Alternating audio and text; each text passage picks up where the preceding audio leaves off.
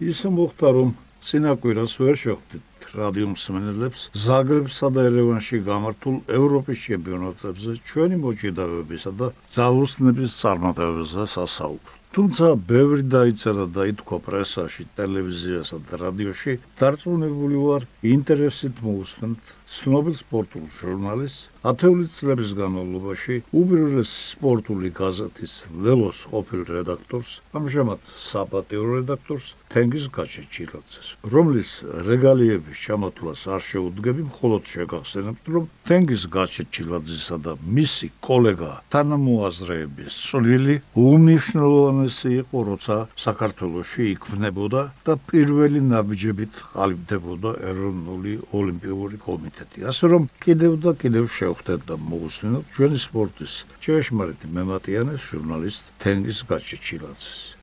მოგესალმებით რადიო მსმენელებო. თავიდანვე უნდა ვთქვათ, რომ საქართველოს მრავალსაუკუნოვანი ტრადიციების საფუძველ გამაგრებული თანამედროვე სპორტული ქვეყანაა ეს საქართველოსი ყველამ კარგად იცის და ცნობილია ისიც რომ ქართული სპორტის დღევანდელი თაობა წარმატებით ამდიდრებს ამ ტრადიციებს საერთაშორისო შეჯიბრებებზე საამაყო მიღწევები გვაქვს ყველა ასაკობრივ კატეგორიაში მოზარდებში, ახალგაზრდებში, დიდებში. თავარი აქ ისაა, რომ უწყვეტია ასაკობრივი მემკვიდრეობითობა. საუკეთესოები თამამად იმკვიდრებენ ადგილს მაღალი ოსტატობის სპორტში და მათთვის ყოველგვარი პირობები არის შექმნილი დღეს საქართველოში. როცა თანხმედრაშია ტრადიცია და თანამედროვეობა, ყველა კარგად ხედავს და ხარობს ბოლო ხანებში ჩვენი სპორტსმენების მიღწეული წარმატებებით. სპორტის სათამაშო სახეობებში, ყინულის ჰოკეიშიც კი, კიდაობებში, დალოცნობაში, შერეული საბრძოლო ხელოვნების სპორტში სპორტის სხვა ოლიმპიურ თუ არაოლიმპიურ სახეობებში.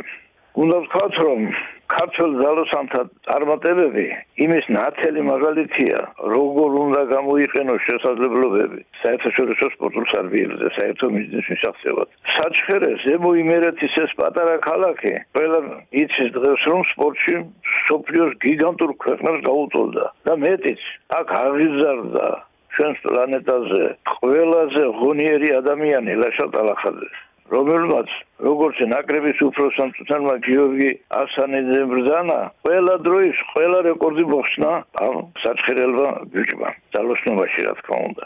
სისტემის სრულყოფაში ადამიანწყვეტია სპორტის ხელმძღვანელ სახელმწიფო ორგანოს სამინისტრო მაქვს ხედულობაში. ოლიმპიური კომიტეტის სპორტული ფედერაციების სხვა სტრუქტურების შეთანხმებული მუშაობა მაღალი შედეგები იოლად არ მოდის ვით უფრო საერთაშორისო დონეზე.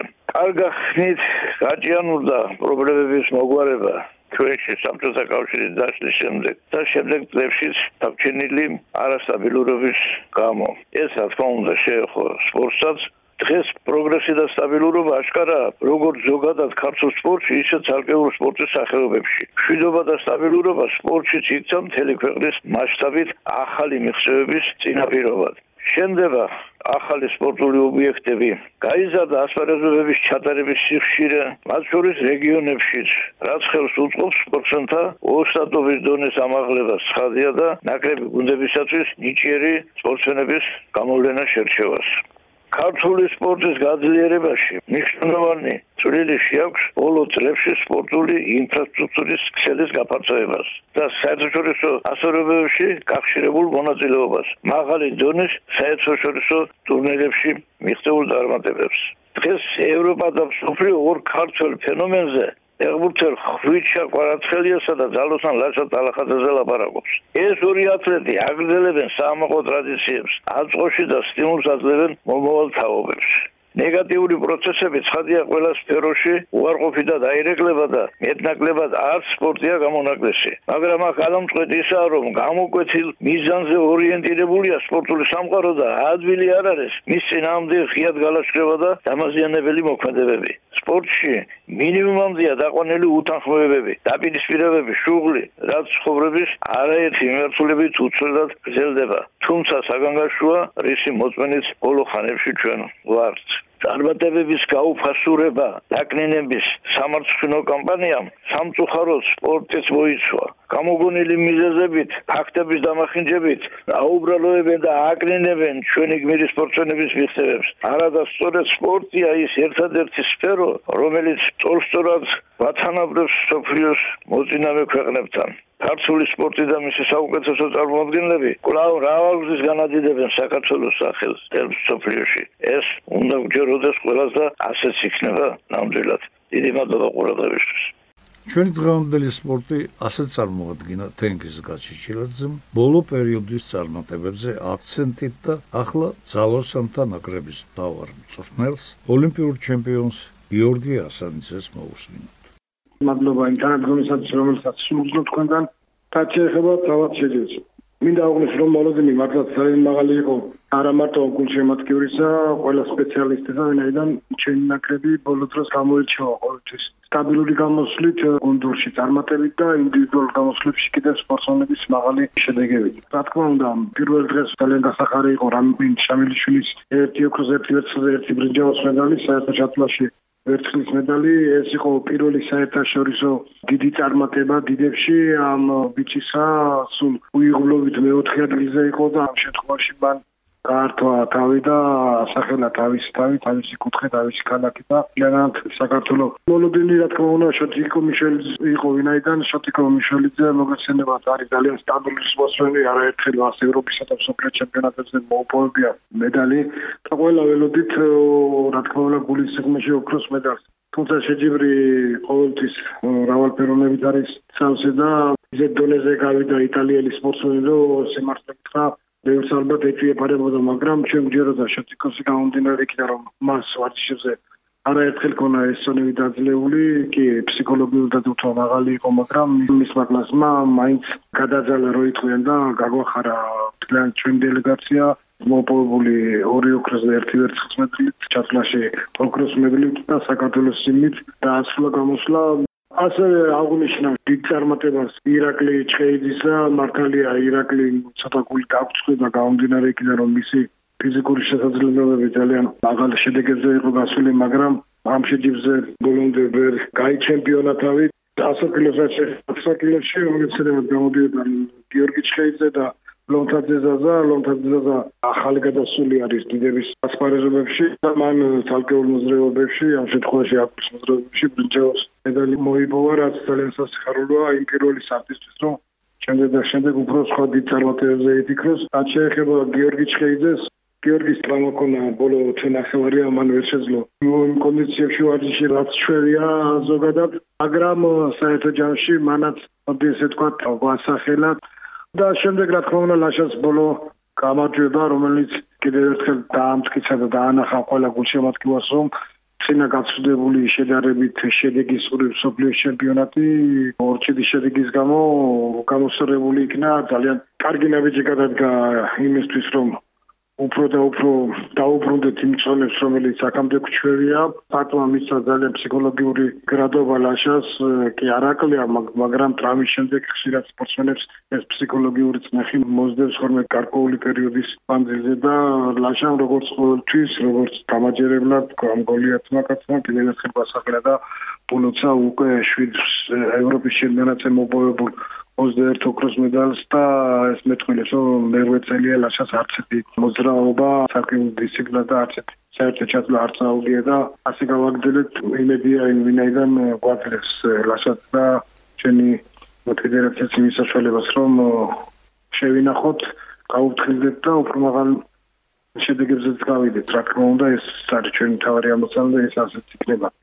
საერთო ჯამში საერთო გუნდურ ჩათვლაში ძალიან კარგი გამოსვლა გონათ და ჩვენ ნაკრებმა სამხრეთის შემდეგ მეორე ადგილი დავიკავეთ იმ სტაბილურობას განაგზობს, რომელიც გარკვეული წლად ბოლო 5-6 სეზონზე აქვს ჩვენს ნაკრებს. წინ გვაქვს ლევანდელი წელი და მომდენო წელი სალიცენზიო ჩათვლები, ძირთადი აქცენტი მაინც გადატანილი არის.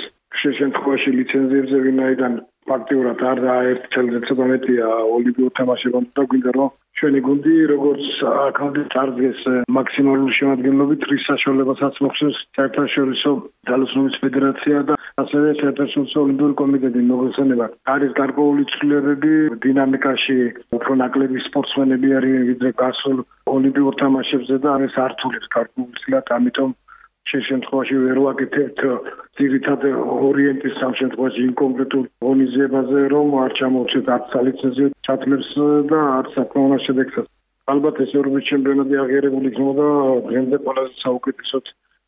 ამიტომ მადლობა სომხეთის ფედერაციის ხელმძღვანელობას მინისტრს სახელმწიფოს ასე ძალიან კარგად აღარ დონეზე გააცეს თავი და ჩვენც რა თქმა უნდა შედეგებით გავალამაზეთ. ბუნებრივია როგორც თითქმის ყოველთვის ბათუმიდან გია ცანავა დაამთავრებს ჩვენს დღევანდელ შეხვედრას.